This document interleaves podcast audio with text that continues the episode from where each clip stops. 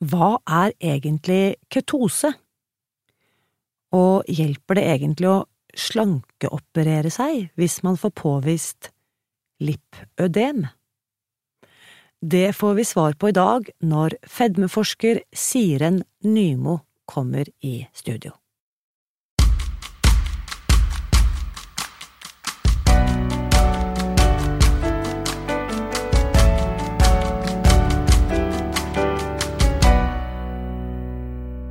Siren Nymo er klinisk ernæringsfysiolog og postdoktor ved Helse Nord-Trøndelag.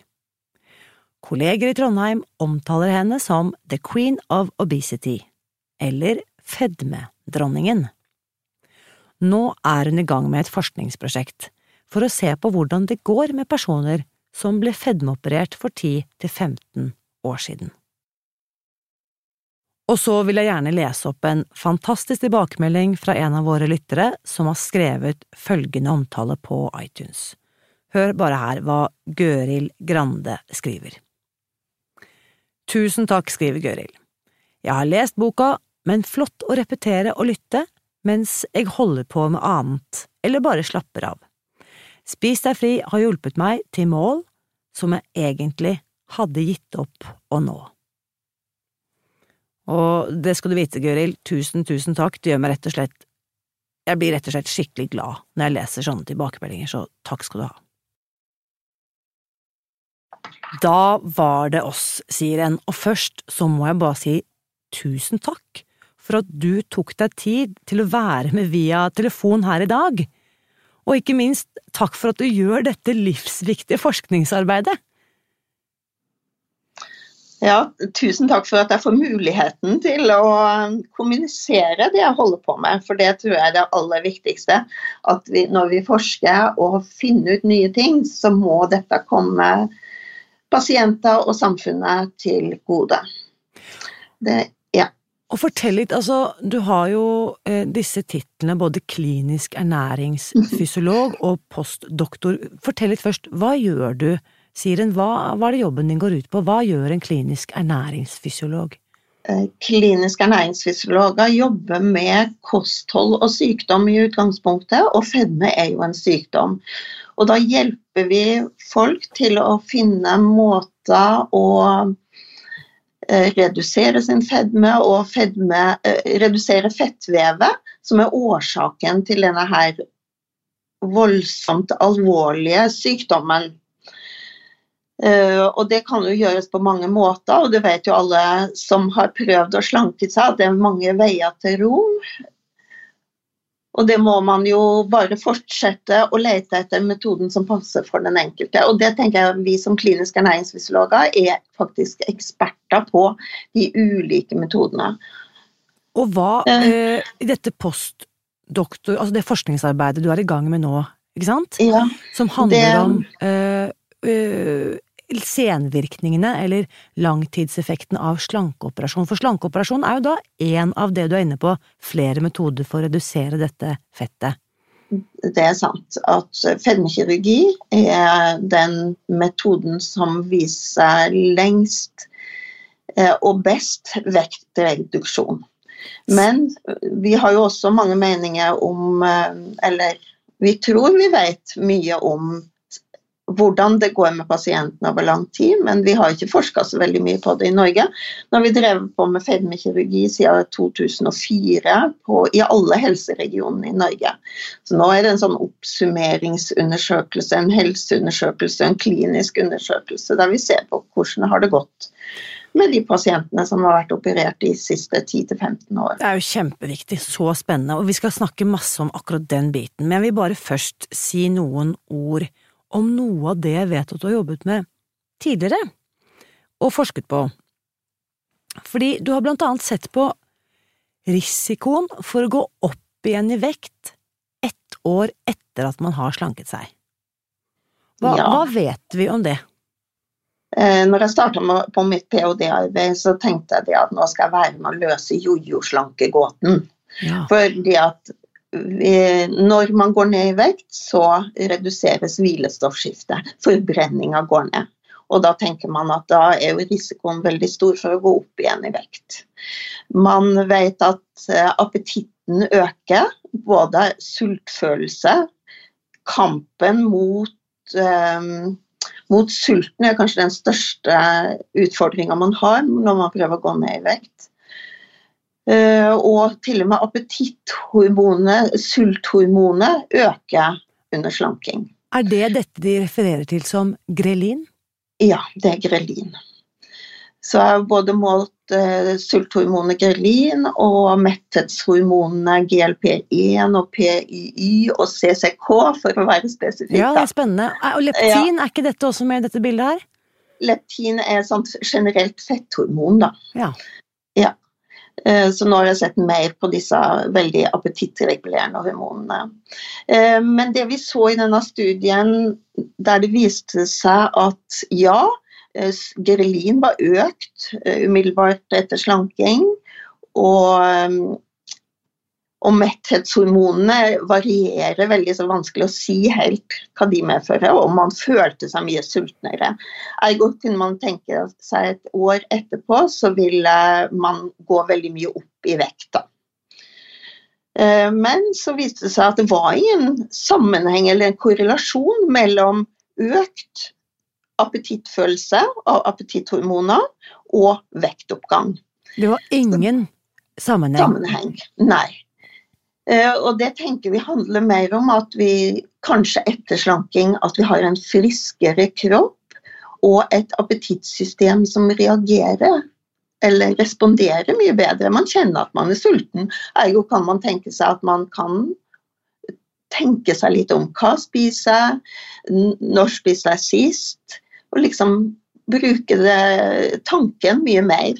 Men, det, men det, nå stusser jeg litt, fordi at det som regel hører, er jo at risikoen for å gå opp i vekt er så stor at det er ikke vits å gå ned i vekt engang. Det er jo Senest nå, ja, ja. rett før jul 2019, eh, så var det en forsker som gikk ut og sa det i Aftenposten, at han sa jo til og med at det er direkte uetisk å oppfordre folk til å slanke seg, fordi at det er ikke noen som har resultater på sikt. Ja. Eh, jeg tenker jo at våre resultater som kanskje kan komme til å endre tankegangen, akkurat denne tankegangen her, er veldig viktig. Vi må jo bare gjøre større studier for å se om vi kan klare å finne det samme igjen. Vi sammenligner med en australsk studie som ligner veldig mye på, på det vi har gjort. Da. For vi har på en måte prøvd å reprodusere litt av det de har gjort. Eh, så finner de det samme, men de kommenterer det ikke. Fordi at de har vel kanskje ikke tort å kommentere det. Det høres jo veldig fint ut at i og med at sultfølelsen øker, sulthormonet øker, ergo spiser man mer. Men jeg tror at dette handler om mange flere ting enn den fysiologiske finreguleringa, og at den verden og det samfunnet vi lever i, med så mye tilgang på mat, f.eks.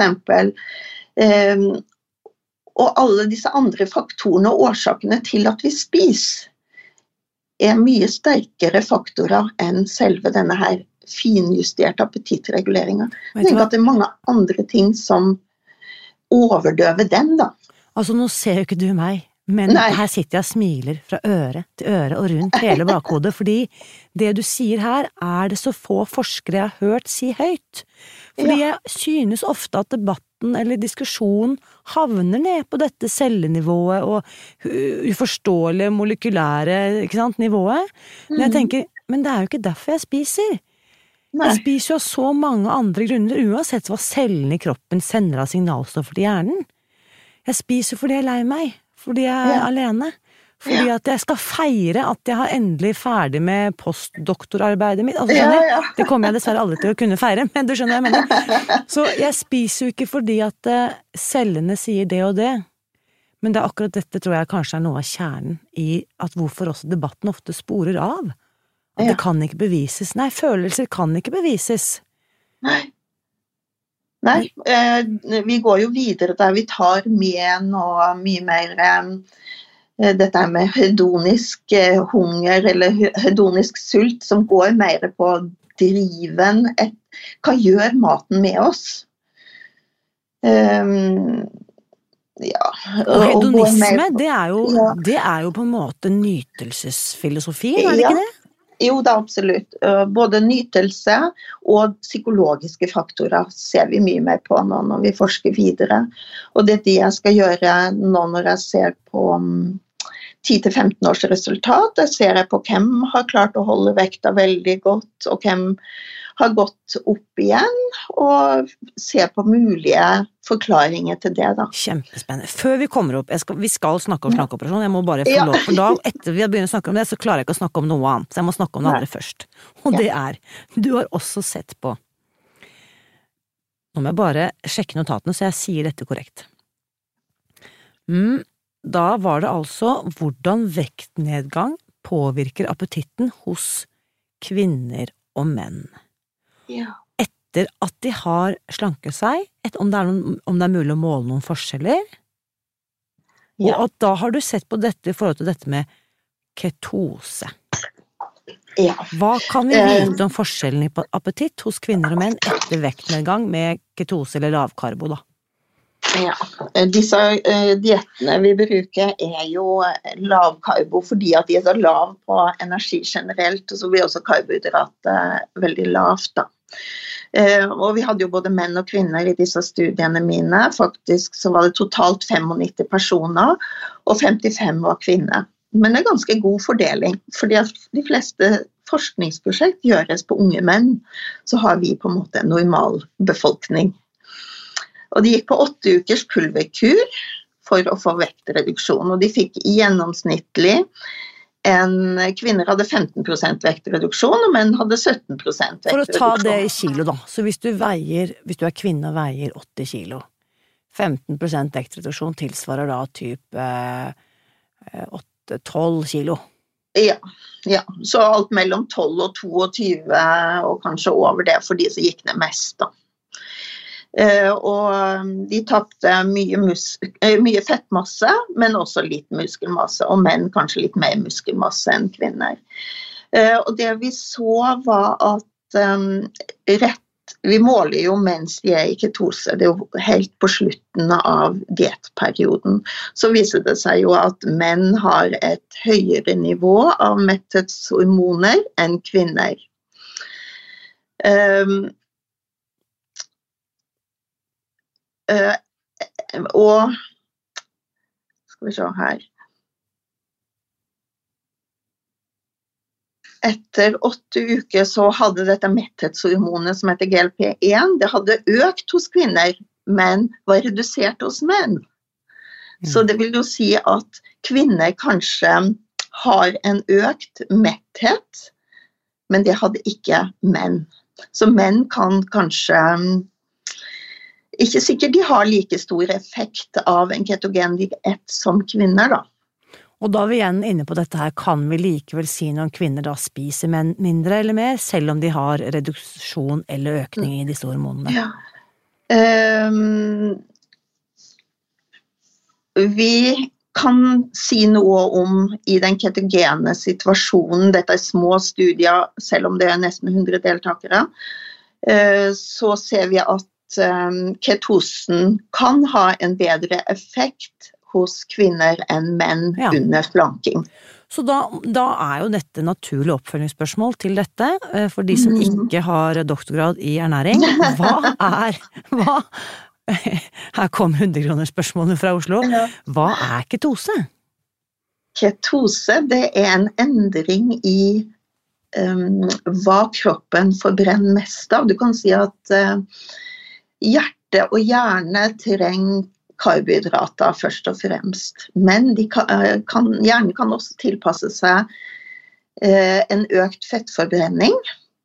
Så hvis vi tar bort mye av karbohydratene, så vil kroppen skifte mer til fettforbrenning. Og det er jo det vi ønsker med slanking, å redusere fettvevet. Og da bruker kroppen faktisk eh, frie fettsyre som energikilde i større grad. Men det, Nå hører jeg deg fortelle noe som jeg ikke har hørt akkurat på den måten før. fordi ja. mange spør jo driver du med ketose når du følger Spis deg fri, og så sier jeg nei, vi er ikke lavkarbo, vi spiser masse karbohydrater hver dag i form av korn, gryn, frukt, banan, ikke sant? Mm -hmm. ja. Og så lurer jeg på, kan det likevel hende at kroppen er i ketose i en vektnedgangsfase, fordi vi forbrenner jo, vi bruker fett som fuel? Ja. ja. Eh, og når en har mindre karbohydrater å ta av, så må en skifte til i større grad av fettforbrenning. Så det er jo en sånn ratio her. Altså et samspill mellom ulike energikilder. Karbohydrat, protein og fett. Nettopp. Men fettandelen øker. Og da blir det mer avfallsprodukter som er ketoner, da. Og den der vektnedgangen, nå gikk jo jeg ned over 20 kilo på 200 dager, og det var helt grusomt. Eh, innimellom ja. så følte jeg meg så Jeg følte meg som en sur vaskeklut som luktet vondt, og, det, og jeg luktet faktisk vondt. Det var som om kroppen skilte ut masse, bokstavelig talt, dritt. Og det har jeg fått forklart på en måte vitenskapelig at det skjer faktisk, fordi fettvevet er så skitten energikilde. Jeg vil jo bare si at det er det avfallsproduktet fra denne her fettforbrenninga som er en form av ketoner som man ikke blir kvitt annet enn ved utånding. Nettopp. Så man får ja. dårligere ånde når man går ned i vekt, det er ikke en myte? Gjør, det, ja. Nei, med en keto, ketogenforbrenning så får man dårlig ånde. Og det sa noen av pasientene mine at ja, det må dere virkelig fortelle, for det er så ubehagelig. Ja. Og da er det mange som sender desperate meldinger til meg, både sent og tidlig, og spør sånn kan jeg være så snill gå og kjøpe tyggegummi nå? Og så sier jeg nei, du kan gå og kjøpe deg en tannbørste. Ja. nei da, men eh, nå tuller jeg litt. Men det hjelper jo å ta en tannpust, og det hjelper også, opplevde jeg, å drikke nok vann og få skylt dette vekk og ut. Ja. Uh, og så er det veldig forbigående. Det tenker jeg også er viktig at folk vet, at denne dårlige ja. ånden, den, den, er bare i en kort periode. Ja. Uh, men snakk om lavkarbo, fordi som sagt, vi driver ikke med lavkarbo, spis deg fri, og jeg må også si at jeg er veldig skeptisk til hele lavkarbogreiene. Og jeg har også møtt på medisinske eksperter, senest en hjertelege jeg måtte til undersøkelse hos. Han spurte meg du driver ikke med lavkarbo, håper jeg? Og så sa jeg nei, men hvorfor sier du det? Nei, fordi det ser vi ganske mye sånne kjipe effekter av på hjerte og kar. Ja. Eh, spesielt de som spiser da mye eh, dårlig fett, sikkert, ikke sant. Men hva tenker ja. du om lavkarbo? Um, jeg tenker at det er underforska enda effekten av lav lavkarbo, så vi må fortsette å forske litt på det. Uh, og spesielt dette her med risiko både for nyre- og hjerteproblematikk. Uh, og for hvor, hvor, høyt kan man gå i fett, hvor, um, og fettkvalitet. Og jeg tror også her er det en genetisk faktor at alle tåler ikke den samme maten i forhold til fett, f.eks. At noen vil ha, få en større risikoprofil, som vi sier da, vil få økt kolesterol med for mye fett. Vi har jo en god dokumentasjon på at eh, høyfettdietter kan ha risiko for hjerte- og karproblematikk. Nettopp. Bulletproof ja. coffee, hvis jeg sier det, hva sier du da? Mm, da blir jeg litt usikker. Ja, Det er da svart kaffe, eh, og ikke tilsatt melk, men tilsatt én eller to spiseskjeer ekte meierismør. Mm. Bulletproof coffee, det er en stor greie okay. som eh, slo, ja. slo, seg opp i USA for noen år siden, og det er gått som en farsott ja. rundt i den vestlige ja. verden. Blant de som er på Instagram og andre steder. ok, ja, men der er mange alternative dietter, for å si det sånn. Nei, ingen, ingen kommentar fra Trondheim? Nei, er ingen kommentar. Jeg, jeg, har ikke satt meg inn i det. Eh, men jeg kan jo si noe annet som er spennende i det med mm, høyfettdietter. Fordi at jeg har, sammen med en masterstudent så har jeg gjort en studie med en høyfettdiett der vi har sett på virkning på en undergruppe av fedmepasientene som er faktisk ganske stor, og det er de med lipødem. De har en stor fettsykdom. og nå så jeg i Rogaland var NRK hadde et, et, oppslag om denne pasientgruppen, som er underdiagnostisert, og der det fins lite behandling. For de av oss som ikke har lipødem, og kanskje ikke vet hva det er, kunne ikke du bare si to ja, ord? Hva er lipødem? Lipødem er en fettopphopning mest i beina og hofte og rumpe. Det blir knodrete som frosne erter og er veldig ofte vondt. Og man får lett blåmerker. Så smerte er en sterk assosiasjon. Det blir ofte forveksla med lymfødem, som er en lymfesykdom, men dette er en fettsykdom. Hvordan er eh, får man den? Um, det, som, det er vel egentlig en genetisk faktor, så man vet lite om patafysiologien, som vi sier, sykdommen, utviklinga, da. Eh, Men det kommer i hormonelle faser, f.eks. i pubertet, graviditet og overgangsalder. Ja, så, så en overopphopning av knodrete fett.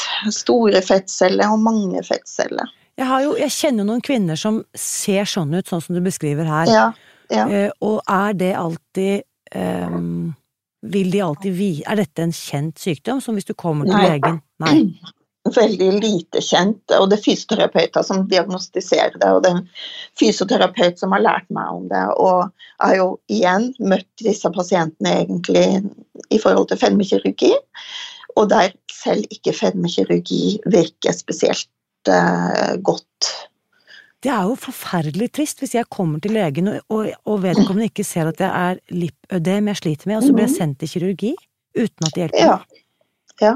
Men hva er det som kan være behandling, da, hvis jeg har fått eh, lipødem? Det oppslaget som var i går, var jo at vi nå har fått eh, fettsuging Jeg tror det var i offentlig sykehus at det var det som var nyhetssaken. Eh, og da suger de fett ut av subkutant, det er under huden, det fettet som ligger under huden. Ja. Og det kan være på bøttevis av fett de tar ut. Da. Og det er jo veldig invasivt. Det er, veldig, mm, det er jo veldig tøff behandling, da. Mm. Men det er den vanskeligste behandlinga. Og man kan si at um, kostholdsråd og, og vektreduksjon kan bremse utviklinga, men det ikke, kurerer ikke. Så hva hvis jeg er ferdig sugd, holdt jeg på å si, Ja. har fått lipødem påvist, Ja. gjennomgår fettsuging med gode resultater, da vil jeg jo tenke at det å legge om kostholdet vil være en fantastisk måte å kunne opprettholde gode resultater. Ja, forhåpentligvis. Men det vi så på i vår studie, det var jo da en høyfettighet, om den kunne ha virkning på disse smertene i denne sykdommen. Og det faktisk, så fant vi det, da. Og det var positiv effekt. Veldig positiv Så effekt. fantastisk. Men det var jo bare ni deltakere i denne lille studien, da. Men det er veldig spennende å jobbe med subgrupper. Og at dette ikke har vært eh, forska noe særlig på. Og det var i den forbindelse jeg også fikk kontakt med et lipødem-miljø i USA. Eh, og skal over dit i november i år, faktisk, og fortelle om denne her lille studien vår. Fantastisk. Og når du er ferdig med de greiene du holder på med nå, Siren, så har jeg allerede sagt det til deg på telefon, da er du hjertelig velkommen. Vi er hundrevis av kvinner og menn i Norge som har spist oss fri, eller er i ferd med å spise Ja. oss fri, og vi vil veldig gjerne bli forsket på. Supert, det er vi så glad for å høre. For det kommer mer, mer forskning. Vi søker nye midler. Ja, og vi er klare. Eh, Vi har, vi, Ja. Du bare vite at du har en hel sånn farm med kaniner her nede som er klare. Så vi hopper når du sier hopp. Ja, supert. Eh, og så, nemlig, det som vi alle venter med spenning på, og som jeg tenker igjen, er en livsviktig forsknings, det livsviktige forskningsarbeidet du, du gjør, nemlig langtidseffektene for de som gjennomgår slankeoperasjon. Vi snakker altså i Norge 15, snart 16 år, du sa vi startet i 2004. Mm. Først, hvor mange mennesker Jeg vet at det er ikke mulig å kartlegge alle tall, fordi mange reiser til utlandet, og da blir man ikke registrert nødvendigvis. Mange opereres privat, men hvor mange snakker vi om i offentlig regi, da? Ja, det er 3000 totalt i Norge. Det er inkludert private operasjoner i Norge, faktisk, per år nå. Eh, I perioden 2004 til 2009 så har vi operert ca. 1000 med gastric bypass-operasjon i Midt-Norge. Og det er jo bare én helseregion. Og si nå at det er enda flere operasjoner på, i Helse Sør-Øst. Og du har jo også operert i Helse Vest og Helse Nord. Så det begynner å bli ganske mange. Og nå er det ca. 3000 per år, så kan vi nå bare gange opp, da. Så la oss da, hvis vi er helt typ For eh, slankeoperasjoner har jo blitt utført siden 60-tallet rundt i verden. Mm. Så la oss si at i Norge i dag lever mellom 50 og 100 000 mennesker som har slankeoperert seg. Er det å ta i, eller er det Det hørtes ut som et veldig stort tall, mm, fordi at antallet før 2004 var nok mye lavere enn det har vært de siste årene. Men hvis du vil si at opp mot 50 000? Ja, kanskje. Mm. jeg, nå er jeg utrolig dårlig på sånn hoderegning på styrten, men eh, 50 000 interessant tan tankegang. jo. La oss si 50 000, da, bare for fordi Ja, da har vi tatt med alle de store mørketallene også som vi ikke har registrert registrert i noe statistikk. Mhm. Og vi er fem millioner, så da er det jo da én av tusen, stemmer ikke det? Ja. Mhm. Uh, og da lurer jeg på, hva vet vi om disse foreløpig? Eh, Jeg tenker Vi kan jo bygge en del på amerikanske, danske resultat, men vi vet ikke hvordan det har gått i Norge med disse her. Eh, Vi vet at eh, tilleggssykdommer blir mye bedre. Man, lever, man blir kvitt sin diabetes, og man lever mange flere år uten diabetesen. Selv om den kommer, kan komme tilbake 10-15 år etter. Det blir spennende å se. Eh, Så har dansk, en dansk stor studie vist at det i mye mindre grad kommer tilbake. Og man mener at fedmekirurgi har en um, har en positiv effekt i seg sjøl, selv, selv om vekta kommer tilbake. Og det er fordi at sånne ting som er målbart, typ sånn Ja. forekomst av diabetes type 2 og sånne ting er forblir borte, holdt jeg på å si? Er det, er det sånne Ja. faktorer man ser på da? Ja, man ser jo på, på endokrine eller um, hormonelle endringer, da, som medfører at eh, diabetesen hold, holdes borte lenger. Vet du hva, jeg måtte ta frem kalkulatoren, for jeg hadde selvfølgelig feil. Det var ikke én av tusen, det var én av hundre. Oi, så mye. Én av hundre, hvis vi tar utgangspunkt i at vi snakker 50 000 Ja, en, mennesker. Ja, en en- prosent, da. En prosent. Um, Ja. Så da tenker jeg det er desto viktigere at vi finner ut fort som fy hvordan dette faktisk går. Fordi øh, hva, hva, er, hva er hypotesen din, Siren? Hva, hva tror du? Uh, ja. Uh, jeg vet i hvert fall av foreløpige tall at folk angrer ikke på operasjon. Én av ti angrer. Det betyr at ni av ti er fornøyd, og at mye har blitt bedre. Eh, jeg er veldig spent på eh, dette med å vende tilbake til gamle vaner, og om det, det er en problemstilling som medfører vektoppgang selv om vektoppgangen er mye mindre hos disse enn ved vektreduksjon generelt. Og da snakker vi konservativ behandling, som snakker om Ja, spis mindre og tren mer. ja. Mm. Ehm, og så tror jeg at folk jobber mer med seg sjøl for å holde vekta nede. Det jeg ser jeg i hvert fall i klinikk. De pasientene jeg møter, at de ehm, de har fått en øyeåpner at det går an. Mange klarer å holde vekta nede fordi at de spiser annerledes, de har fått et nytt forhold til mat, de velger, velger andre matvarer. De har fått en lettere kropp, de kan trene mer. Eh, Og forhåpentligvis dette her med økt fokus på psykiske aspekter ved fedme har jo også hjulpet mange til å jobbe med seg sjøl. Dere i Midt-Norge er jo helt rå. Dere gjør jo masse, masse spennende på av dette feltet her, og også mye Jeg vil kalle det liksom de psykososiale aspektene rundt dette Ja. feltet her, som jeg syns er så viktig. Fordi altså, nå var jo jeg også på fedmeforskningsdagene i Oslo nå i høst 2019. Og der var jeg jo Vi fikk jo flere foredrag, og mye handlet selvfølgelig om fedmekirurgi.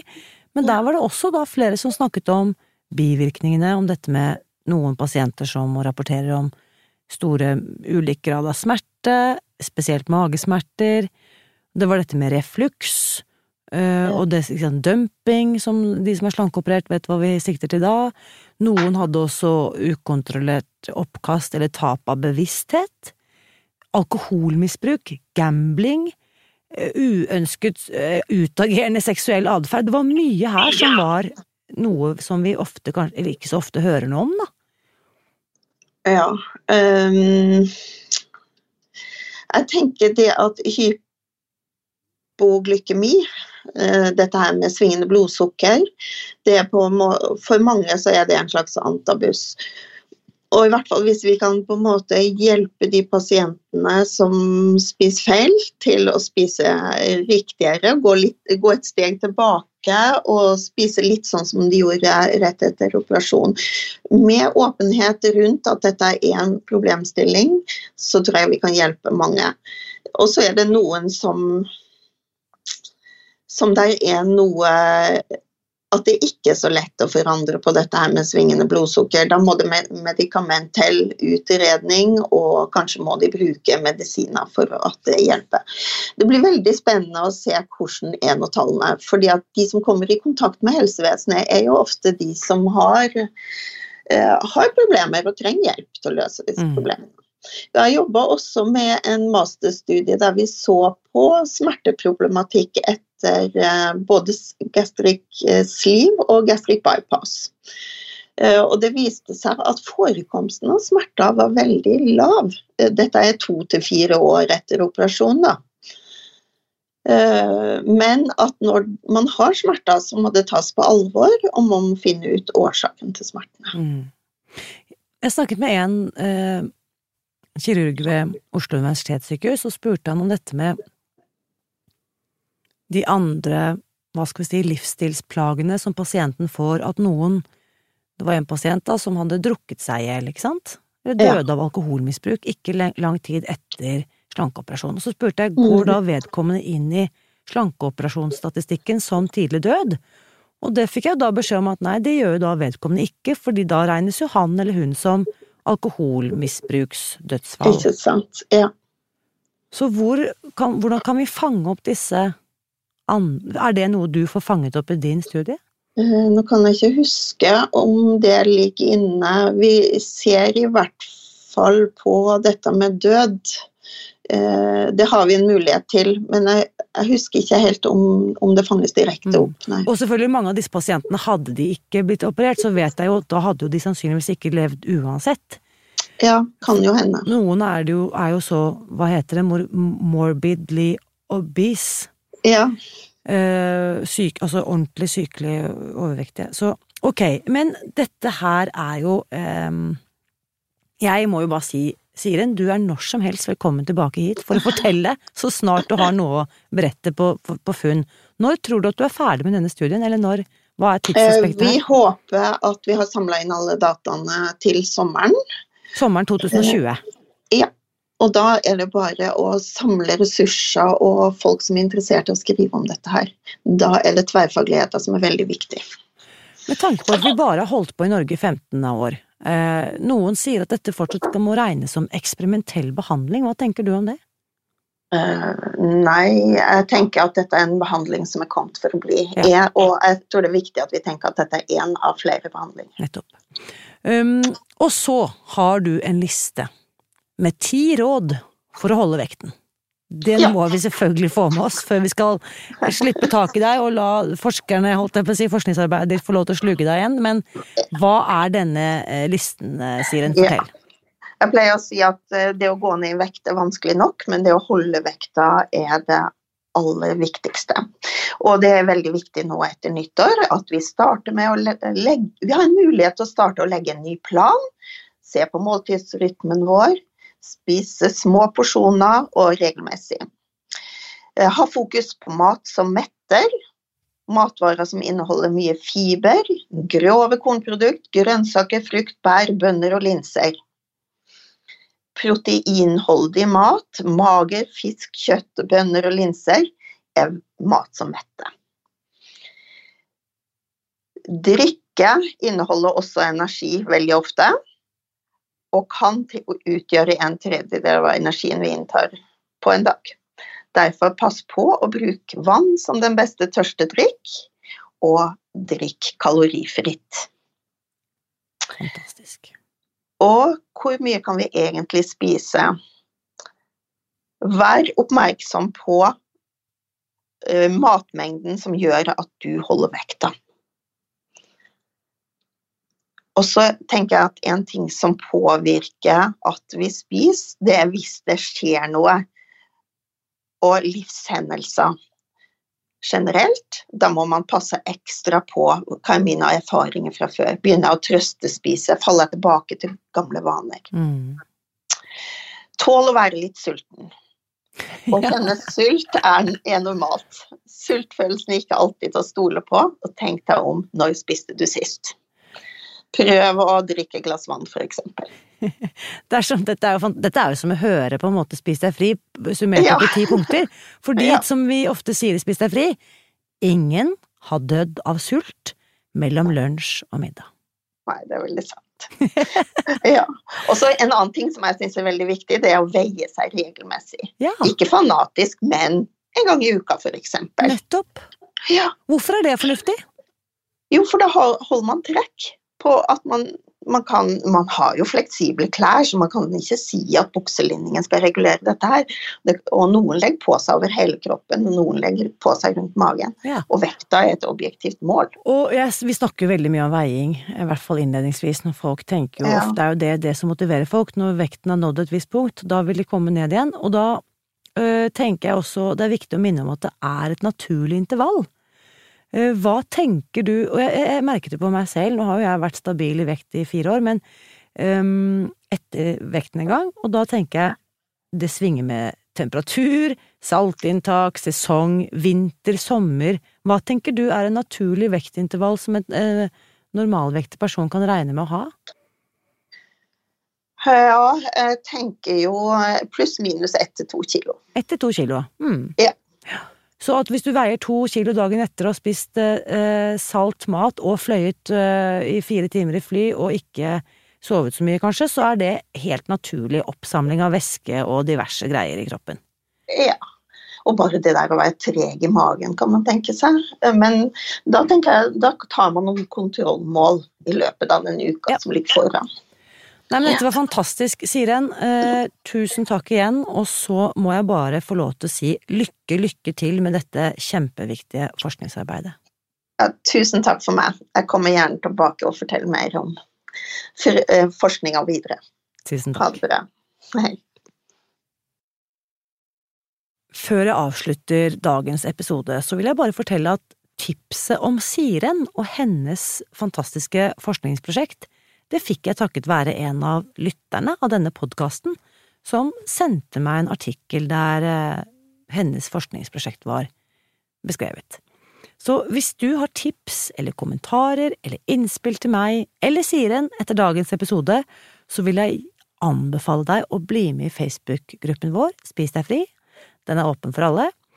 Og her treffer du altså en stor gjeng med engasjerte podkastlyttere som fortsetter samtalen etter dagens episode gjennom hele uken. Neste søndag, da skal du få treffe en eh, mann som heter Barry Friedman. Og det er mye jeg kunne ha sagt om han, la meg for eksempel nevne det at han er firedobbel verdensmester i sjonglering. Så dette er en mann som er vant til å ha mange baller og hatter i luften, og det kommer vi til å snakke mer om, men det er altså ikke sjonglering det handler om neste uke, det handler om sukker. Og eh, som du kanskje har fått med deg, så er mitt motto at gode nyheter er skapt for å deles. Så hvis du har lyst til å hjelpe meg med det, så del gjerne denne episoden med dine venner. Og husk også at jeg heier på deg. Alltid.